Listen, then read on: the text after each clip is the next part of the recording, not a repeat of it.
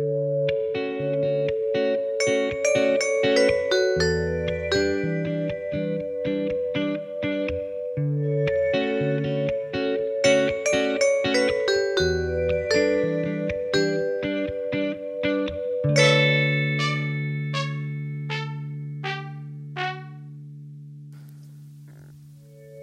og velkommen til Trans-Norge, en podkast om transpersoner.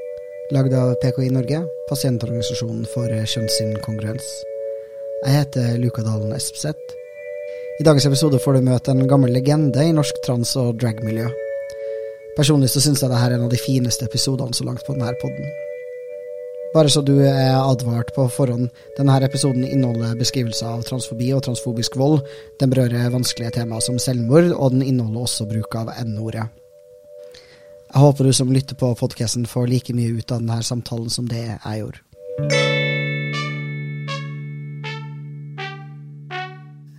Velkommen. Tusen takk. Tusen takk for at jeg fikk komme. Endelig. Har du venta lenge, føler du? Åh, ja, nei, jeg har ikke ventet lenge, men jeg har eh, sett veldig frem til dette lenge. Det syns jeg er veldig stas. Kan ikke du fortelle lytterne våre hvem du er? Hei, du, mitt navn er Daisy Sælen Hafstad. Jeg er født i Brasil. Eh, Kom til Norge som niåring. Mine norske foreldre bodde i Brasil i nesten 20 år da jeg ble adoptert som baby. Så når de flyttet hjem til Norge i 77, da var jeg, min bror, som er tre år eldre, og min søster to år yngre, vi ble med våre foreldre til Norge. Og da havnet jeg på Os utenfor Bergen. Der bodde jeg de første ni årene, så har jeg siden bodd i Bergen. Jeg har bodd i Indonesia, Tyrkia, Israel, USA og nå Spania. En liten svipptur innom Oslo for å være med her på podden. Ja, du, jeg bor jo delvis i Oslo, så jeg pendler jo mellom Oslo og Andalusia, hvor jeg har hus i Sør-Spania. Så når jeg kommer til Spania, da slapper jeg av etter hektiske uker og måneder i Oslo. Herlig. Eh, pronomen? Hun. Hun. Ja. Hun. Hun, henne. Hun. Nå er det ikke lov å si på bergensk lenger. Hvor hen er han hin? For det kan jo bli misforstått. Eller kan vi det? Jeg vet, jeg vet ikke, hva betyr det utgangspunktet? Hvor hen er han hin? Det menes med hvor hen er den andre personen henne. I han-form. Hin, ja, ja, ja, men det sier man altså på trøndersk. Har man sånn hin, hen, hen. ja. Som betyr noe sånn som den, den her. Ja, Den her eller de der, ja. eller liksom Ja, ikke sant? Ja. Mm. Ja, det er vanskelig i disse pronomendager. Nei, det er ikke vanskelig, herregud. Nei, det er slett ikke vanskelig hvis man gidder å bry seg. Ja. Ok, eh, har du lyst til å dele din liksom eh, Kort oppsummert, når du fant ut at du var deg, og hvordan, hvordan du fortalte det til verden, og når du gjorde det? Ja, det er en ganske trist historie, egentlig. Fordi at når jeg kom ut, så kom jeg ut eh, veldig tidlig. Det var ved 13-14 år. Og det var jo i grunnen ikke jeg som selv valgte å komme ut. Eh, når jeg ble outet første gangen som jeg husker, som har satt varige men, det var faktisk da var jeg omtrent 13 år gammel, oppe på en idrettsplass på Os som heter Kuven 3. Og det var en idrettsbane, altså fotballbane med stadionanlegg og idrettsanlegg og sånne ting. Og der pleide unger å holde på med friidrett og sport og sånne ting. Og jeg var jo ganske aktiv med idrett selv. Men når jeg kom inn i puberteten, så begynte jeg å få brystvekster. Og det var ganske vanskelig for meg fordi at jeg måtte skjule det. Fordi jeg skulle være gutt, skulle være mann. Og da husker jeg når vi syklet her oppe, og da var det en som gikk inn på denne spikeranlegget i klubbhuset og skrudde på høyttaleren, og så outet over hele skole, over hele idrettsanlegget at det er Daisy. Men det navnet mitt at Daisy er homo, og Daisy er det ene, og Daisy er det andre. Og der husker jeg at jeg sto på sykkel midt på, ved målstreken på denne 100-meterbanen, og alle snudde seg og så på meg. Og jeg følte meg helt ribbet og avkledd. Jeg visste jo knapt hva det var for noe selv. Men hvorfor jeg ble outet som homo, var fordi at jeg var jo påfallende ganske feminin gutt. Og jeg var ikke så veldig opptatt av fotball eller boksing eller andre sånne mannlige fritidssysler. Jeg var mer opptatt av dans og ballett og maling og tegning og kunstneriske fag. Men jeg husker at når jeg ble ribbet for den verdigheten Den gangen visste jeg ikke hva det var. Den gangen visste jeg ikke hva følelsene var. Men å bli ribbet for den verdigheten og bli outet sånn og være helt alene og ingen som verken støttet eller backet deg opp, det var en veldig vond sykkeltur hjem. Det var det. Men så siden så gikk jo årene, og kroppen femininiserte seg, og begynte etter hvert å skulke skolen og syntes dette var vanskelig. Og jeg hadde heldigvis en mor som støttet, støttet veldig.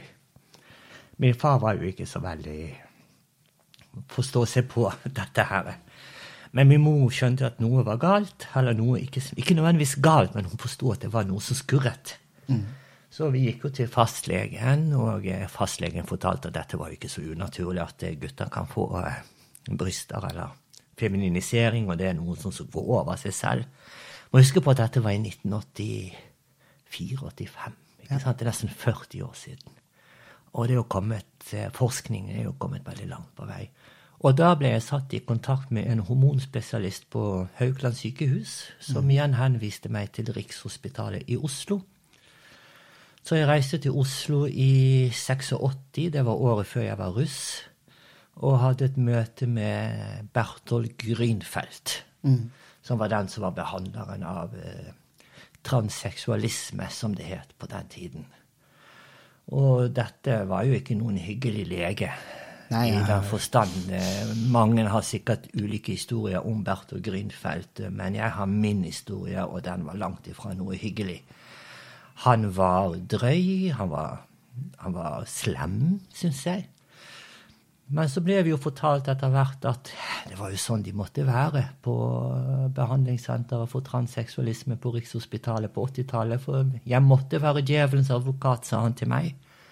Fordi vi må jo vite med sikkerhet om dette her er noe du virkelig har lyst til å gå igjennom en hel sånn transformasjon, for det er jo irreversibel.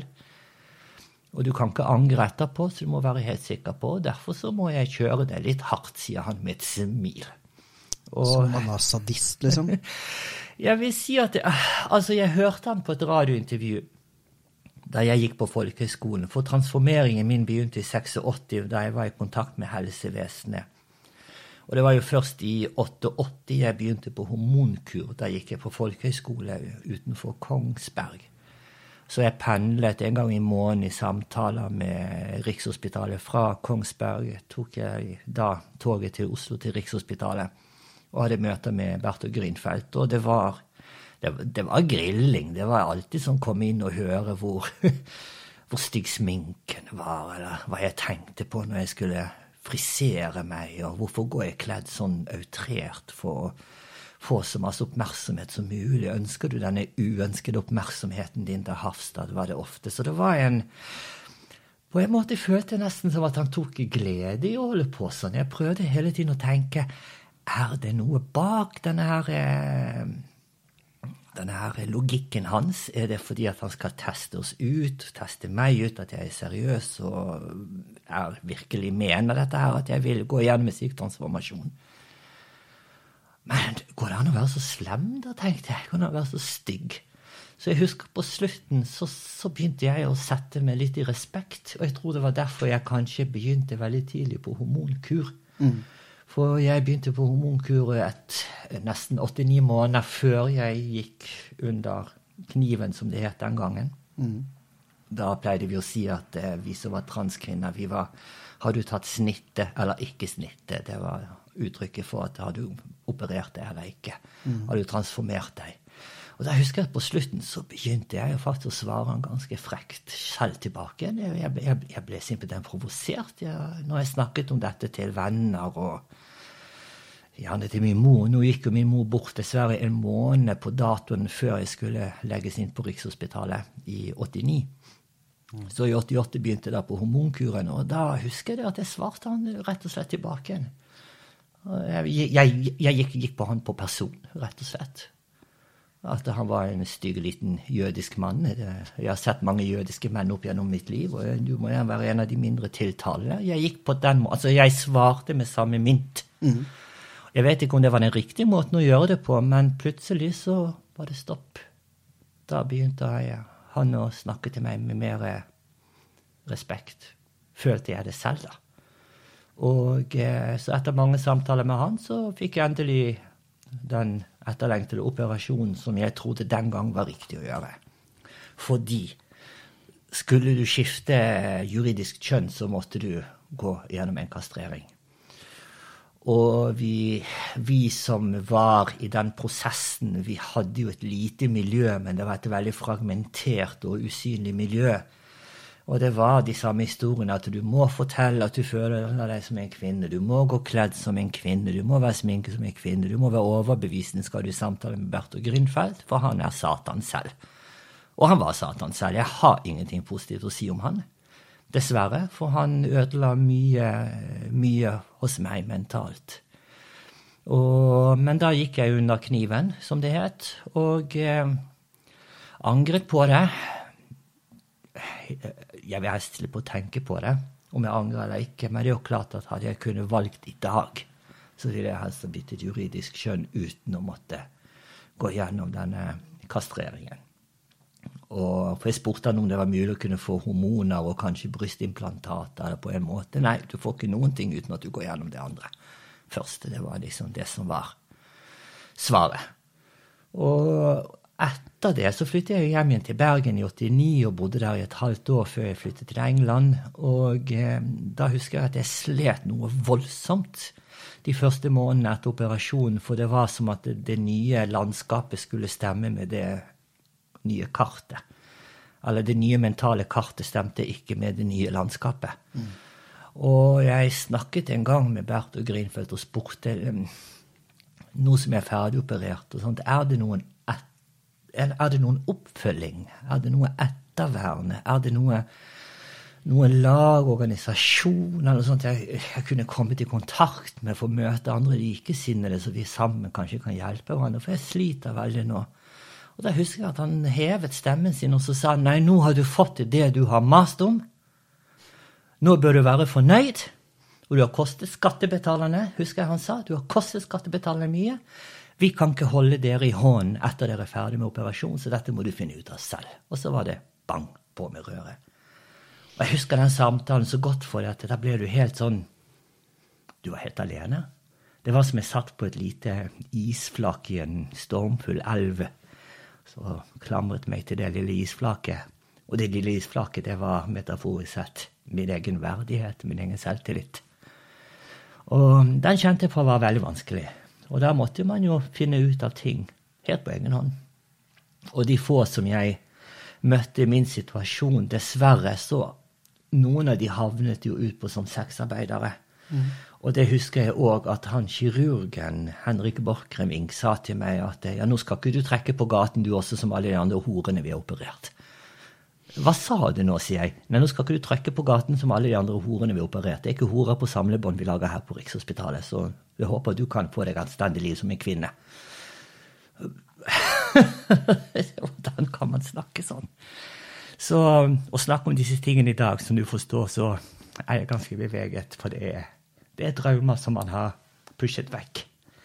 Men bare for å danne et bilde om hvordan vi ble behandlet for 40 år siden kontra i dag, og lese disse kommentarene av mine søstre og brødre som går gjennom den samme transformasjonen, og tenke at Rikshospitalet har jo kanskje ikke forandret seg så masse. Og hvor mye mer skal de måtte få kritikk før de kanskje endrer den praksisen? For én ting er at vi skal, vi skal kanskje bli stilt harde spørsmål med om hvorvidt om dette er riktig eller ikke for oss å gjøre med oss, for oss selv, med oss selv. Men å gi carte blanche til å strippe deg for det minste av anstendighet og verdighet, den, eh, den har jeg vanskelig for å forstå hvordan det kan være, hvordan det kan gagne saken. Ja. Og eh, også sitte på venteværelse på Rikshospitalet. Det er jo sånn som du ser på gamle filmer. sant? Gamle Rikshospitalet var jo en ærverdig, gammel villabygning på oppi Husker ikke hvor det var. Det var Parkveien, Kirkeveien. Det var i hvert fall på beste vestkanten.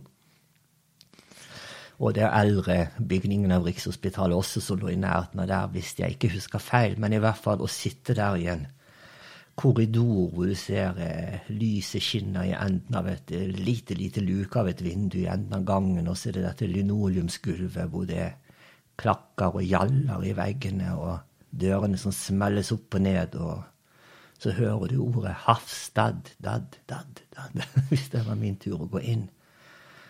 Og så kommer du inn her og møter Berthe Grünfeldt, behandleren din, og så er alle disse intrikate spørsmålene med hvordan du onanerer, hvor ofte du onanerer, og når du onanerer, hva tenker du på da, hvordan ser du på deg selv i dine fantasier. Det var så, det var så masse som skulle liksom utbroderes. Jeg vet ikke. Det er vel det som er kanskje meningen at en behandler skal gjøre med oss, for oss å kunne kartlegge. Jeg vet ikke. Men riktig måte å gjøre det på, det var det i hvert fall ikke. Og så er det jo klart at når du har blitt strippet for verdighet og anstendighet og selvrespekt og i det hele tatt alt, blitt ydmyket såpass mye, så til slutt så blir du så ydmyket at du har ikke mer følelser igjen. Du blir på en måte helt immun. Kald. Og den kjenner jeg litt på i dag, at jeg har litt Jeg er kanskje emosjonelt litt avstumpet når det gjelder sympati overfor meg selv, kanskje overfor medtranspersoner, at innerst inne tenker jeg meg ja, men så hårsåre de er i dag. Og så samtidig tenker jeg nei, de er ikke det. Det er faktisk Jeg har ikke fått den muligheten til å kunne kjenne på at nå krenker du meg, nå eh, trakasserer du meg, nå, nå, ødelegger du meg som menneske mentalt. Den, eh, den har jo ikke jeg hatt. Så det er klart at jeg må jobbe med meg selv med å prøve å forstå det. Og nå var det noen som kommenterte hvordan man ble behandlet på Rikshospitalet, og der skrev jeg en lang sånt innlegg med at din, dine historier, deres historier fra Rikshospitalet, vil jeg gjerne høre også. Fordi at eh, det er Det er noe essensielt feil. Ja. ja. Altså, takk for at du deler. Det er veldig, veldig sterkt. Ja. Uh, jeg setter veldig pris på det, og jeg tenker at det er, uh, at det er så viktig. da. Um, og at folk forstår. Fordi jeg, jeg, ser så tydelig en rød tråd her. da, Fordi det er noe grunnleggende galt med måten Rikshospitalet og de her legene forstår oss som er trans. Og de historiene du forteller, er helt hårreisende, men det er også så likt da, som det folk forteller i dag. Folk opplever at de ikke blir trodd, at man blir utsatt for trakassering, at man må utbrodere hvordan man onanerer, at man føler seg pressa. Selv om det nå ikke er noe kastreringskrav for Andrew Leisham, så er det mange som opplever et press om å gjennomgå genitalkirurgi. Det føles ut som en test. Det føles ut som at man ikke har et menneskeverd. Eh, og ja da, det har blitt litt bedre, liksom, fordi ja, ikke, men, men, de har ikke endra det grunnleggende synet på oss. Det, det, tenker jeg sitter i veggene. her de bare har ikke respekt for oss som mennesker, liksom. Og jeg tror at det, det kjenner folk på. Og dem som går på Rikshospitalet også kjenner det, selv om det ikke er så eksplisitt og så voldelig som det du beskriver, da, så tror jeg fortsatt man får den der følelsen av at jeg er ikke menneske, da, i dine øyne. Ja, eh, den, eh, den, den er veldig vond å Si, når, du, når, du, våkner opp inn, inni deg selv og selvrealiserer deg sjøl, og så finner ut at det, OK, dette jeg følte, og dette jeg tenkte, dette jeg mente, det var ikke feil allikevel. Og det gjør at jeg også blir veldig, veldig emosjonell når jeg leser om våre søstre og brødre som i dag sliter med Rikshospitalet. Men også når jeg leser historier som blir delt, så gråter jeg veldig ofte når jeg leser disse tingene. Og det er jo, jeg sitter jo her med, foran deg nå med inni meg en sånn vulkan av følelser. Fordi at det, det å kjenne at man ikke lenger er alene om det. Det syns jeg er en god følelse. Og, den, og den, den, kjenner jeg på er viktig for meg. Å føle at jeg, jeg, har vært alene om dette hele tiden. Og nå kommer det en generasjon kommer det generasjoner etter meg som er så modige. Du, Alexander, Kristine og mange andre aktivister som står åpent modig frem. Og kjenner på denne her at jeg var aleine om alt dette, og så se at man ikke er det lenger. Det er en, det er en demning av følelser som, som, som, som, brister. Og det gjør meg veldig godt å se at det er mange andre nå som kommer etter meg, som gjør disse modige valgene og stå åpent frem og diskutere og er i den offentlige debatten, deltar i det offentlige ordskiftet og kjemper for å være den man er. Og så det klart at jeg også tenker på hvorfor er majoriteten så fryktelig redd oss? Hva er det de er så redd for oss, egentlig? Og det prøver jeg å si av og til til, til, til heterofile folk. Vær så god. At eh, Gud, du er profesjonell, Luka. Her har du til og med dorull klar, så jeg kan tørke litt snørr og tårer. oh, nei, Gud, det var godt å få hull på dette her, men det var vondt. Det Men, eh, men, eh, så, men da sier jeg også til disse heterofile Hvorfor føler du deg truet av at det du tar for gitt, er en trussel? Altså, Hvor ofte våkner du opp om morgenen og sier 'jeg er en heterofil cis-mann'? 'Jeg er en hvit heterofil sismann'? Nei, aldri. Hvorfor skulle jeg det? Nei, hvorfor skulle du det? Tenk om jeg kunne ha det samme privilegiet. Men, det, men, men dette tar du for gitt. Når du går ut døren, så tenker du ikke at du skal unngå et busstopp fordi det står en gjeng ungdommer der, for kanskje noen av de kan stenge med leppa. Du tenker ikke over at du av og til må kanskje stålsette deg for å gå på postkontoret for å hente en pakke. Og så spør personen Daisy ja, men er, er det deg. Ja, ok, ok. Og så ser de kanskje to ganger på ID-kortet ditt. Nå er jo jeg blitt litt mer passable med, med årene, men likevel, det er alltid noe. Det er liksom for meg å gå ut en dør. Det er ikke bare å gå rett ut og så ta verden. Her er jeg også og smiler. Å, nå er det en deilig tirsdag. Nå går vi ut og koser oss. For meg er det ikke det. Men det er for meg personlig. Av de tingene som jeg har opplevd tidligere i livet mitt. det Dermed så tenker jeg meg om to ganger, så nå skal jeg på butikken. Ah, fuck. Liksom, ok, Da er det bare rett inn og fylle handlekurven og løpe ut til det med en gang. Heldigvis er det selvbetjening nå, så da slipper jeg å stå i den kassakøen i tilfelle noen står og hvisker eller kommer med noen smattelyder eller kysselyder eller andre ting. Det er blitt mindre av det nå, heldigvis. Men eh, så jeg sier til disse heterofile eh, cis-folkene at ja, men altså, du tenker ikke over det. Du tar det for gitt. Men jeg, for meg er det ikke slik.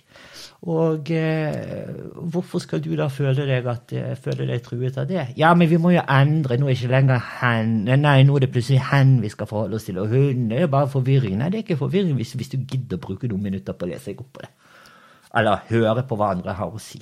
For det er ikke du som skal sette narrativet på min identitet. Vi som er minoritet, uansett hvilken minoritet vi tilhører, det er vi som skal eie vår historie. Samene skal eie sin historie, taterne sin, de homofile sin, vi transpersoner skal eie vårt. Det er ikke opp til den heterofile majoriteten av befolkningen å si at nei, du er sånn og ikke sånn, for det, sånn er du ikke, for det kan ikke jeg forholde meg til. Hvis du har problemer med å forholde deg til det, så har, du et problem med å forholde deg til det. Da får du enten deal with it, eller la være. Og når jeg i tillegg til det vokste opp med forvirret kjønnsidentitet, det var også litt mørkere i huden og brunøyd og så litt sånn eksotisk ut, som jeg ofte hørte da jeg var liten. Ja, du ser sånn eksotisk ut. Og det å, å høre ordet neger og palmeklatrer og halvape og brunost og alle disse her rasistiske ordene man har forkastet etter seg, så blir det på en måte en sånn dobbel ikke sant? Her er du født i feil kjønn, du er, du er skeiv, du er queer, du er trans, du er homo. Men på, i tillegg til det så er det en annen negerhomoen som jeg ofte fikk, fikk høre etter meg. Sant? Og mange år så diskuterte jeg dette med vennene mine, hvorvidt om N-ordet er eh, riktig bruk eller ikke, og kanskje noen var litt vel hårsåre. Men i ettertid, når jeg har gått noen runder med meg selv, så syns jeg faktisk det er ikke greit å bruke N-ordet om mørke folk. For jeg husker selv hvor såret jeg ble. Det såret meg like mye som når noen kalte meg for en homo, eller som når noen kaller meg for en mann i dag. N-ord har aldri kommet fra et nøytralt eller positivt sted, liksom.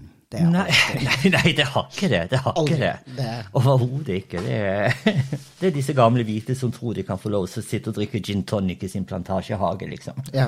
Men den tiden er langt over, langt forbi. Det heter ikke Salisbury, det heter Harare. Ja, og dronninga er jo død, så da er det lov å håpe at Nei, ja. imperiet dør med henne. Nei da. Eh, ja.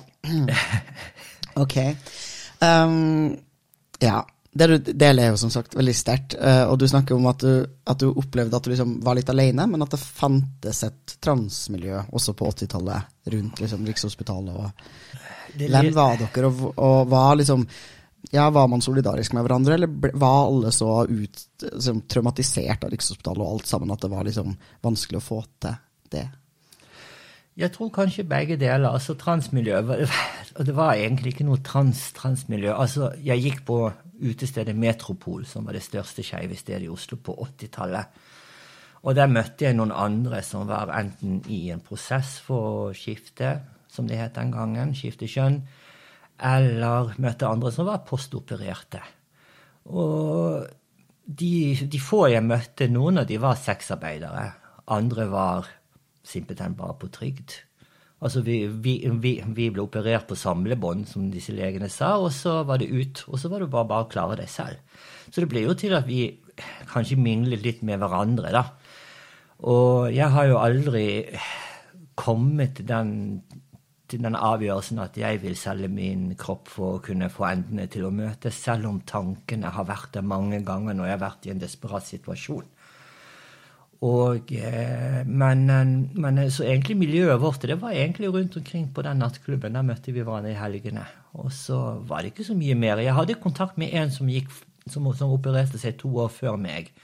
Og hun tok meg under vingene og hjalp meg veldig masse på vei. En fantastisk kvinne som jeg mistet kontakt med nå. Jeg husker ikke hva hun heter til etternavn. Hun heter Toril. Eh, nydelig dame, modig kvinne, som også hadde sin kamp hele tiden skrev kronikker i avisen og deltok der hun kunne i avisintervjuer og alt mulig for å kunne liksom gjøre det bedre for oss andre, da, for at det skulle være mer For å spre kunnskap om, om transtematikken. Så, så, nei, så det var ikke noen organisasjon eller miljø, ingenting. Vi var egentlig bare en gjeng venninner som, som hang litt sammen. Mm. Men som hun Torilla, hun skal vi prøve å finne, kjenner jeg. Men um, ja. hva var på en måte Hva var kampsakene? Hva var det dere snakka om som liksom dere var mest opptatt av å forbedre? Fordi altså, Den virkeligheten du beskriver, er en virkelighet som er jævlig på alle fronter. Altså, mm. Et samfunn som er forferdelig, ingen juridiske rettigheter, ingen juridisk anerkjennelse. Mange opplever ikke støtte fra familie, og også et helsevesen som er av det er du fortsatt jævlig, men som er helt sånn outrageously jævlig. Hva var det dere liksom tenkte sånn, hva er det første vi må fikse? Eller hva var dere opptatt av som politisk? Spørsmålet er heller var vi opptatt av noe politisk. Sånn som jeg ser det i dag, så tror ikke jeg vi var det. Fordi at det var så mye annet som måtte på plass først. Bare det å kanskje bli mindre stygt behandlet av helsevesenet og Det er politisk. Det er kanskje politisk, ja. Det er nok det. Men eh, sånn, sånn, sånn så vi det ikke med, de, med, med datidens øyne. Mm. Vi så det ikke slikt. Vi så det ikke sånn. Det eneste vi var mest opptatt av, det var eh, kanskje hvordan kunne jeg få meg en jobb? Mm. Kunne jeg komme inn på boligmarkedet? Sant? Jeg, jeg fikk ikke noen kontrakt på noen leiligheter, for jeg var noe midt imellom, ikke sant? Og så ut som noe midt imellom. Og går på visning, og du går og spør ja, hva er du for noe? Du ser, ut, du, du ser ikke ut som verken fugl eller fisk. Og hører den da ved jevne mellomrom. og sant? Så nei, så du vet ikke. Jeg vet ikke. Vi bare var sammen og trøstet hverandre. Fordi vi kjente på det når det trykket her, og når det var vanskelig der, og man fikk suicidale tanker så, så, ringte man til hverandre gjerne klokka to-tre på natten, og så var det å kaste seg på sykkelen eller på, inn, inn, i en taxi hvis du hadde råd til det, og så var det å sykle opp til Tveita eller ned til Tøyen eller hvor enn det var. Jeg bodde i et kollektiv på Carl Berner, så da var det å kaste seg på, på, på sykkelen og så sørge for at ikke hun ene der gjorde noe større skade. Og andre ganger så var det å hente en venninne på legevakten som hadde prøvd å ta livet sitt. Så, men det var ingen nettverk. Det var ingenting. Og Derfor så blir jeg så veldig beveget når dere, den nye generasjonen og nå begynner jo du å bli gammel òg, da, Luka. takk for det. Takk ja, ja, eller du begynner å bli voksen. Men så andre som kommer etter deg igjen, ikke sant? å se denne styrken og se denne modigheten og se, og ikke minst denne kunnskapen om hvem vi er. Mm. Altså, Prøv å forestille deg hvordan jeg vokste opp på, i min tid, hvor du liksom skulle lese om transseksualisme eller transpersoner, så måtte du sykle opp til biblioteket og bla i Aschehoug Gyldendals store leksikon. Og hvis du fant noe med trans å gjøre, så var det Transatlantic eller For Transit eller Transworld Air Race. og så var det en liten om transvestitter, da. Ja, det ja. var mennesker med en sykelig trang til å kle seg som ja, motsatte kjønn. Ikke sant, i det motsatte det kjønn, men liksom ofte med noe seksuelle avvik og sånne ting. Så det var, det var akkurat oppløftende historie. Men så selv, selv, den dag i dag så har jeg kjent opp på den Jeg jobbet jo noen år på hjemmesykepleien her på Grünerløkka, og jeg trivdes godt der. Men så var det jo det at noen ganger så kom det med konflikter med personal. At plutselig kjente du hånden av en ansatt som strøk deg på haken. Spurte hvorfor, hvorfor tar du meg på halsen, på haken? Nei, jeg måtte bare kjenne om du barberer deg. Men eh, altså, du kan jo spørre meg om det, du kan ikke bare ta meg sånn. Eller en, en annen mann som en gang tok meg i skrittet, og jeg måtte bare sjekke hva det var for noe. ikke sant? Og, og, og, den krenkingen der, du står på personalkjøkkenet og får en fire-fem andre ansatte, og så og så, og, så, og så, blir du utsatt for denne fysiske, den, denne tafsingen. der. Og så går du til eh, først til avdelingslederen og forteller at eh, denne personen gjorde det. Ja, men eh, dette er veldig vanskelig, du må nesten snakke med avdelingssjefen. Snakker du med avdelingssjefen, så blir du kastet videre oppover i systemet. Du må snakke med den igjen. ikke sant? Og så sier den personen igjen, sjefen av alle sjefer, at nei, men da må du kontakte LDO, eh, likestilling og diskrimineringsombudet. Og så ringer du der, og så får du vite på telefonen at det, nei, vi ser det ikke så veldig formålstjenlig å sette to minoriteter opp mot hverandre, fordi dette var en mann med innvandrerbakgrunn, ikke vestlig bakgrunn, som, som, som tok, tok, meg i skrittet. Men jeg synes ikke, poenget er ikke dette han var en innvandrer, poenget det var det var en som tok meg i skrittet. Og så føler denne der Nei, plutselig så får ikke noe hjelp av de som kanskje tilsynelatende skal hjelpe deg. Det gjorde at jeg i noen år merket jeg gikk inn i sort hull. Da snakker vi om rundt omkring 2010 til 2013-2014, rundt der. I den perioden der. Det var de veldig, veldig vonde år. Da var jeg ganske sint. Jeg var ganske bitter. Jeg var ganske rasende på alt og alle. Fordi jeg følte at det kanskje de mekanismene i samfunnet som skulle støtte og tale min sak sviktet meg fullstendig. Og da tenkte jeg til helvete med all den politiske korrekten fra venstresiden, eller hvem faen de der folka er for noe, for de gir meg faen ingenting. Så jeg kjente på det der sinnet. Men så å gå inn i det mørke rommet der og låse seg selv inn i et mørkt rom og så kaste nøkkelen ut vinduet, det var ikke det mest smarteste, men det var en naturlig prosess til man da må ta fatt og eh, få profesjonell hjelp andre steder, om det så måtte være privat. Og da husker jeg at jeg finansierte mye av behandlingen min helt privat hos en privat psykiater. Fordi at det, det kom ingen vei med det offentlige. Men også, også, også, når, også når jeg da, bare sånn for å gå tilbake til hjemmesykepleien, det var jo det, det var også opplevelser der hvor det var kanskje en annen skeiv person som feilkjønnet deg og vi sitter på vaktrommet, og da er det feil pronomen. At det, ja, Daisy, han har jo vært hos hun i dag, og han Nei, jeg er hun. Ja, whatever. Vi trenger ikke å diskutere det nå, men du var i hvert fall hos fru Olsen, ikke sant? Og sånn og sånn og sånn. Men også det når hun som skal sette opp vaktlisten, sier til meg at ja, men det er snart ingen jeg kan sende deg til. Fordi at det er jo det er så mange pårørende som ikke vil at du skal komme hjem til mamma og, og pappa og stelle dem.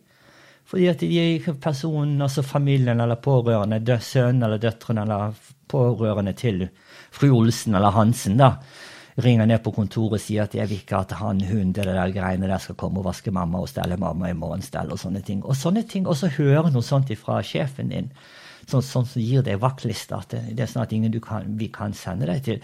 Når du har så lyst til å jobbe, og du har lyst til å bidra til samfunnet, og så er det på en måte en dør man møter. Er en vegg, en lukket dør man møter. Eller hele tiden hindringer blir dratt frem. Du prøver å løpe 100 meter, men så det hele tiden hindre, hindre, hindre. Men de hindrene de er ikke der fra før, så du vet når du skal hoppe. Du vet når du skal ta sats, du vet hvor mange skritt du skal ta for å komme over den, den hindringen. Men, men, dette er liksom rett og slett mentale piggtrådgjerder som du bare ruller ut rett foran beina dine, så du snubler hele tiden om å klore deg og klare deg opp igjen. Den er vanskelig.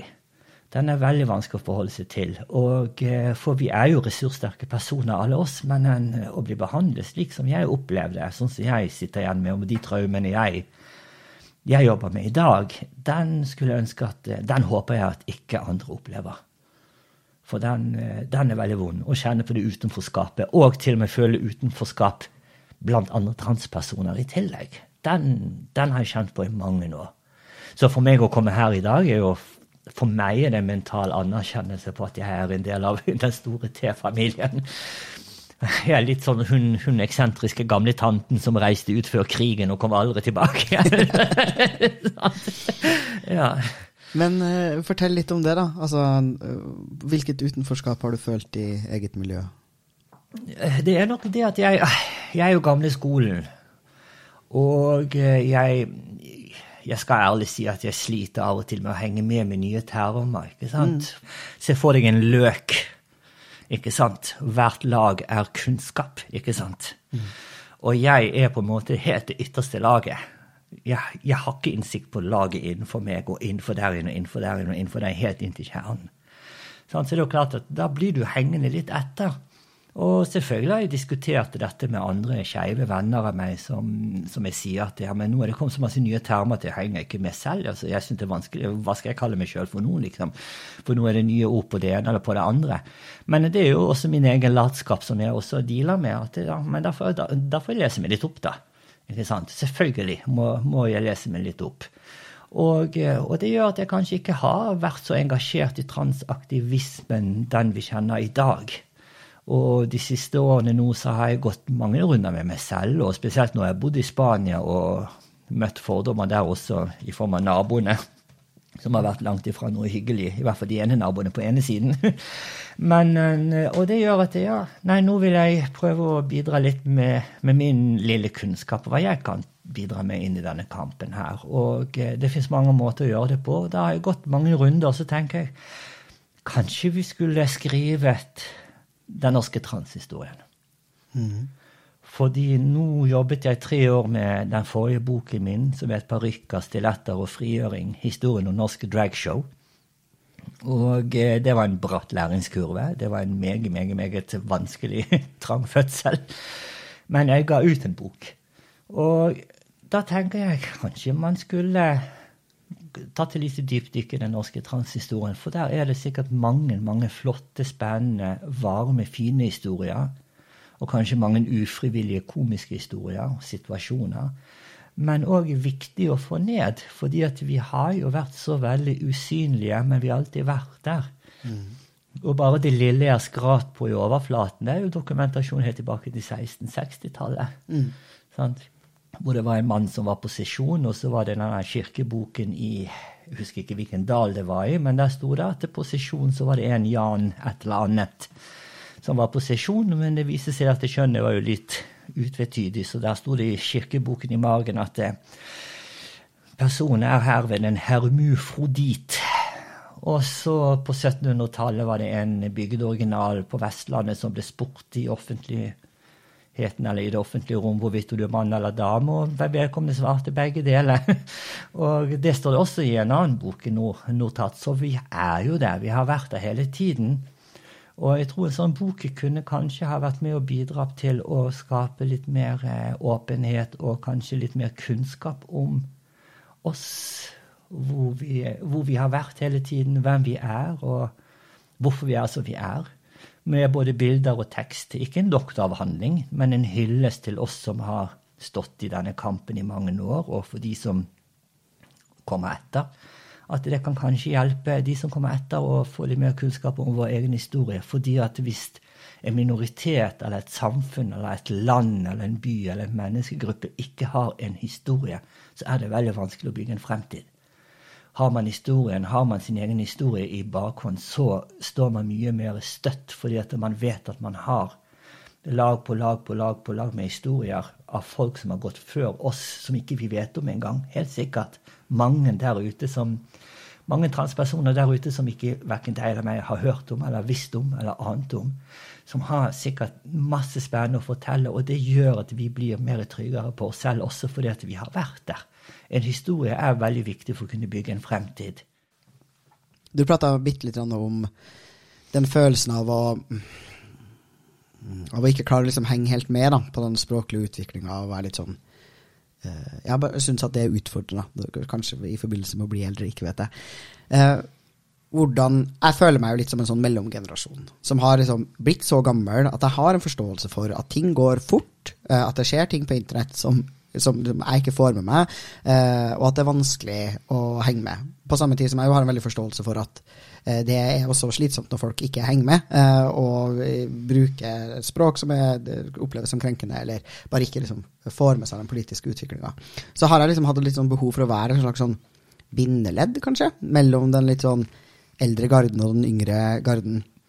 Og jeg har blant annet ønska at denne podkasten skal være et sånt sted hvor, eh, hvor jeg har hatt litt fokus på å prøve å få eh, dem i generasjonen over meg da, til å komme og prate og fortelle sin historie. For jeg tror det er så viktig at den connectionen skjer, da, og som du snakker om med den boka di, og det er sånn her vi må forstå, og de kidsa er faktisk nødt til å forstå da, at de er et resultat av noen som har gått foran, og at vi er mange generasjoner med transfolk som har vokst opp under liksom veldig forskjellige eh, altså med veldig forskjellige forutsetninger. Eh, og vi deler mange ting som er felles og likt, og så er det også en del ting som bare ikke er likt. Um, hva skulle du ønske at den yngre generasjonen forsto eller gjorde da, i møte med den eldre? Hvordan kan man liksom skape de møteplassene som er gode, hvor man ikke bare liksom blir sittende og flisespikke på hvorvidt man sier transseksuell eller trans eller transe eller andre typer ting? da?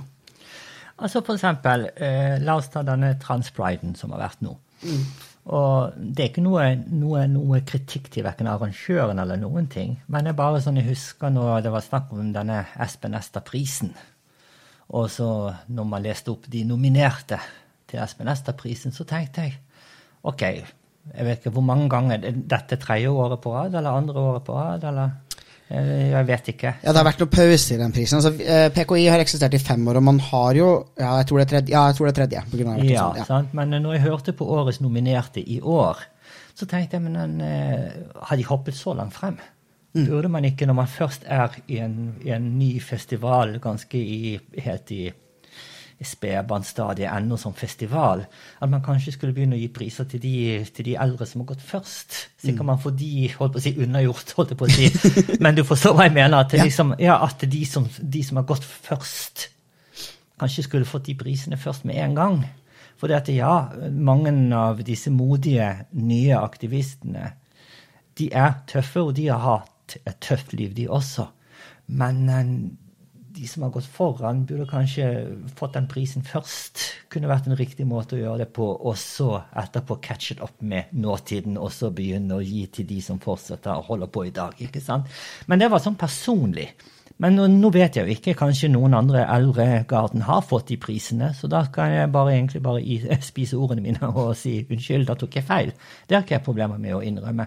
Men jeg merker da at jeg stusser litt over ok, men eh, det fins andre som også er i samme båt som, er, som, som, du er i dag, eller som de er i dag, men som ikke har fått den anerkjennelsen. Men også dette med boken, og så har jeg sett mye dokumentarer på YouTube. Mm. Og eh, det var en veldig interessant fra statene, hvor du hadde disse transkidsa kontra de som er transseniorene. Mm. For transkids i dag eh, de finner hverandre på nettet, de støtter hverandre, de er, de er synlige med hverandre. og Det er liksom, det er akkurat som en sildestim. Altså, du kommer sammen. Mm. Mens min generasjon og eldre vi er på en måte enslige svaler eller seler eller whatever du, dyr du vil velge. Men i hvert fall lonely wolves. Mm. Ikke sant? Og det er en ting som er interessant å se at dagens transpersoner, unge, de finner hverandre, og de er, de er seg selv bevisste, de er stolte, og de er tøffe, de er modige, og de er sammensveiset. Mens min generasjon, vi har levd på en måte i mørket litt av sånn som jeg nevnte med dette mørke rommet, og hvor det ikke er noen lys og nøkkelen er kastet ut. For jeg kjenner på den selv at jeg har vært veldig alene om å være transkvinne. Mm. Jeg har vært veldig alene om å være trans. Og så kan man gjerne si hvorfor har ikke du vært mer aktiv i miljøet og andre ting? Jo, det kan det godt være, men det er mange andre ting som jeg må ordne opp i og rette opp i med meg selv først, før jeg kan gå videre og hente mine ressurser og legge ned i en slik aktivisme. Mm. Og der merker jeg at vi er veldig ensomme, vi har vært veldig alene, og vi lever fortsatt med skam. Jeg fremdeles sliter med den skammens spøkelse ennå. At når jeg går inn på et sted eller jeg skal gjøre noe, eller et eller annet, så har jeg denne her muren oppi hodet mitt at jeg ikke er god nok, eller jeg ikke er person nok, jeg er ikke kvinne nok, jeg er ikke menneske nok, jeg er ikke det ene eller det andre nok. Og den demonen der, den sliter jeg fortsatt med. Men det har også med alle andre traumer som jeg, som jeg blir påført med opp gjennom et langt liv. Og da går man faktisk tilbake til den måten jeg ble behandlet på på Rikshospitalet, som vi snakket om helt i begynnelsen av denne podkasten. Mm. Og få høre at du er at, ja, at du er noe simpelt, noe helt hvordan kan du bli kvinne, du som er så stygg som mann? Ser du, hvordan ser du på deg selv som stygg gammel kvinne? Har du, på, har du tenkt på det? Altså disse tingene, disse, Det jeg kaller for mentale voldtektene. For den trakasseringen, for hver gang jeg blir trakassert, så er det som at jeg får et sverdslag i sinnet mitt. At jeg kapper den, den positive tankegangen jeg har i min underbevissthet eller i mine tanker.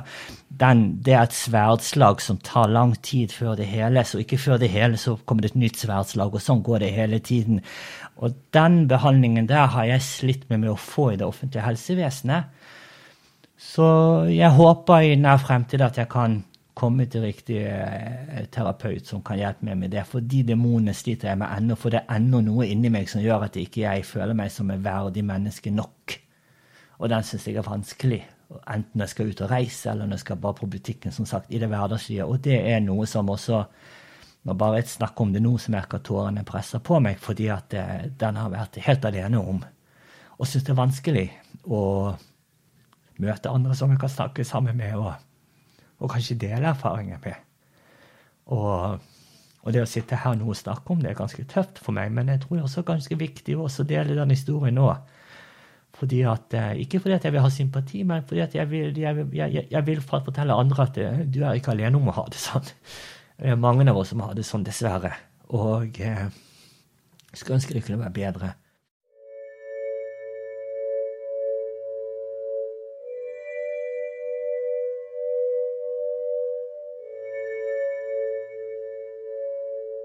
Jeg føler litt at hele debatten, altså hele transdebatten bare er en lang sånn tirade, hvor cis-folk driver og forteller oss at vi er lettkrenkt, og at vi eh, ikke skal si fra, og at vi sier fra på feil måte, at vi ikke må være så sint, og at vi ikke må være så krass. Altså, det er en sånn kontinuerlig policing av måten vi sier det på, eh, som og hvor de liksom framstiller det som om at hvis vi bare hadde oppført oss litt annerledes, så ville de respektere oss, men nå gjør de ikke det. Ja. Og, så, og, så, og det er en løgn. Ja, og, og det. og hvis de vil at vi skal oppføre oss litt annerledes, hvordan er det de ser for seg at vi skal oppføre oss da? Ja, ja. Hvordan annerledes er det du vil at jeg skal være da? Ikke sant? Og, eh, men altså, det er jo denne her der at det, det er det, dette med minoriteter, da, at majoriteten mener at vi overdriver, og vi er krenkende, og vi er den slags ting. Men hvordan skal vi fortelle de tydelig nok at det er ikke det det går på? Det mm. er, det, er liksom det mest grunnleggende mennesket verd. Altså det mest grunnleggende prinsippet som bare det å kunne stå opp, kle på seg, gå ut og gjøre det du skal, og komme hjem igjen. Uten fra, fra A til B til C til D, og så hele alfabetet, hvor mange ting du har å gjøre den dagen, og så tilbake til hjemmet ditt. Tilbake til A. Liksom, alle disse stasjonene vi går i løpet av en dag av gjøremål, det skal vi kunne gå fra stasjon til stasjon til, til stasjon uten at det skal være obstacles i sporet som gjør at vi sporer av, eller som gjør at vi krasjer, eller som gjør at vi stopper opp, eller til det er signalfeil, andre ting som det der. Vi skal ikke ha den mm. i hverdagen vår, men den forstår ikke vanlige folk. Normale folk, som de liker å kalle seg for. Men kanskje det er vår oppgave, og kanskje er det noe vi gjør feil? Er det kanskje noe vi kunne vært flinkere på? Eller er det en approach, en, eh, en eh, Ja. En, vi skal liksom adressere dette temaet på en annen måte. Og så tenker jeg på, men hvor mange andre måter skal vi gjøre det på? Ja, men, altså, vi har liksom gått tom for options. Ja, det er det jeg mener. da. Ja. Vi har prøvd alt. Og det finnes deler av transmiljøet som har prøvd at altså, er, problemet her er dem.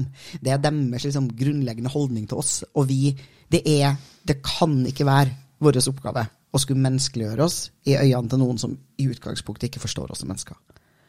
Det, det det? Nei, nei, jeg syns okay, ikke det. Okay, fortell. Ja, altså sånn, ja, nå, så. ja, nå, nå, nå, intervjuer jeg deg. nei, men altså, nei, men altså, nei, men altså, dette er veldig interessant, for her sitter faktisk to forskjellige generasjoner ja. og diskuterer det. Altså, jeg, I utgangspunktet i min aktivisme så, så, tror jeg at jeg tenkte at, at de bare ikke visste bedre. Mm. At jeg bare trengte å, å vise dem hvem jeg var og fortelle dem hvordan livet mitt er, og hva som føles ekte og viktig for meg. Og så kom de selvfølgelig til å forstå at jeg er like menneskelig som dem. At jeg er like mye verdt, og at mitt menneskeverd er en selvfølgelighet. Akkurat som deres menneskeverdighet verd er en selvfølgelighet. Og etter å ha vært i aktivismen i 15 år, da, så tenker jeg at det ikke er sånn. Og det kan hende at jeg bare at Jeg tror nok at mine dager som aktivist er over. Fordi jeg har ikke noe mer å gå på, og jeg er sliten, og jeg er ferdig, liksom. Og jeg håper både at Altså jeg håper bare at det finnes andre folk som kan ta over. Men, men for meg så kjennes det ut du kommer til å bli syvende far i huset. Du, du kommer til å henge med bukkehorn der, vet du, så kommer han fra gåle. Ja, vi, du, hva er det vi skal si om dette, da? Nei, du spør Luka. Du Luka? Nei, Luka er der inne. Nei, Luka der. Til slutt henger du et bukkehorn der oppe med skjegget langt nedover. Å, det blir Jeg gleder meg. Og da er jeg for lengst mumie, liksom. Ja. Nei, men altså, nei, men så det er selvfølgelig altså Det er jo det der hva gjør vi riktig, hva gjør vi feil, og hvordan gjør vi det? Det er bare det, Jeg tror ikke det finnes noe riktig eller feil. Jeg tror, altså, vi, vi må få lov til å leve livene våre, og folk må få lov til å velge forskjellig taktikk. Hvis noen transfolk har lyst til å være sint, vær sint. Hvis noen har lyst til å bare leve stelt og aldri snakke om at de er trans, gjør det. Bare gjør det du har lyst til, eh, men, men gjør det fordi du har lyst, ikke gjør det fordi du tror at cis-folk vil eller trenger. Altså, Du må klare å være i livet på dine egne premisser, sånn at du ikke sliter deg ut og ødelegger deg selv. Fordi du skylder faen ikke cis-folk en puck, liksom. Den gjengen der har ikke gjort mye for oss, for å si det sånn. Og Men, så men samtidig så er det de som vi trenger støtten av. Ja, vi gjør det. Ja, vi er fullstendig prisgitt den her majoriteten. Men jeg tror da at endringer må skje hos cis-folk, og de må ville det selv. Og for noen så vil det funke å bli kjent med en transperson, for andre vil det funke å se en film, for den tredje så vil det Altså, men vi kan ikke være dem som skal gjette på eller forutse hva det er som funker for cis-folk. I tillegg tenker jeg at vi er helt avhengig av allierte. Vi er avhengig av at cis-folk gjør en større del av denne jobben. Fordi cis-folk i møte med cis-folk som er transfob, har en helt annen makt og en helt annen mulighet til å si fra. Hvis en cis-person sier 'hei, den feilskjønninga der må du slutte med', så er det ingen som kommer til å si sånn 'å, du er så lettkrenkt', og 'du må tåle en spøk', og liksom all den driten vi får. Cis-folk kan si det med en helt annen autoritet. Um, og jeg tenker at riktig. mye mer av jobben må tilfalle dem. Og det trenger heller ikke altså sånn om bare 2% av alle cis-folk blir gode allierte, så er de fire ganger så mange folk som det vi er. altså det, det er sånn Det, ja, ja, for vi er så få, da. Også, det tenker jeg også er viktig med, liksom, med akkurat vår minoritet. Det, altså, man trenger ikke å sammenligne minoriteter som en sånn konkurranse, men Nei. akkurat vår minoritet er faktisk en ganske liten minoritet, eh, som gjør at vi bare rent tallmessig vil ha problemer med å skulle finne nok aktivister. Nok mennesker som har lyst til å holde på med aktivisme, nok mennesker som er interessert i politikk. altså sånn, Vi er få. Vi kommer aldri til å bli en stor del av det offentlige ordskiftet liksom, in pure numbers. da. Altså Bare disse minuttene jeg har sittet her nå med deg, og vi har, vi har diskutert det, det som vi har snakket om nå, bare de minuttene så har jeg lært utrolig mye. Og du har gitt meg eh, mye, mange interessante innfallsvinkler og synspunkter på ting som jeg overhodet ikke har tenkt på, men som kanskje har skurret hos meg i mange år. Men når du Sånn som vi snakket om han legen på Rikshospitalet, så har jeg tenkt på Han har jo vært veldig bjeffete, han Luka. Men nå når jeg begynte å lytte til bjeffingen, så er det faktisk musikk i mine ører. Ikke sant? Jo, men altså, jo, men altså der ser du hvor isolert jeg har vært. Og, og det er liksom Kanskje jeg må gå gjennom en ny sånn oppvåkning, renessanse, med meg sjøl. Og gå gjennom nye selvrefleksjoner og nye måter å se tingene på. For jeg har vært som sagt kjørt opp i et hjørne, og der har jeg stått og spunnet i det mørke rommet der aleine. Det var veldig lærerikt, dette, og jeg satte veldig pris på. Og tusen takk for at jeg fikk eh, fortelle min historie, og eh, tusen takk for alt det jeg har blitt opplyst om. takk. Altså, eh, tusen takk for at du kom, og sånn virkelig fra bunnen av hjertet mitt, tusen takk for at du deler. Jeg tenker at det er så viktig, um, og så fint, og ja, rørende og sterkt. Og jeg håper, og tror, at lytterne også ser på det som veldig verdifullt og veldig fint. Så takk for det. takk.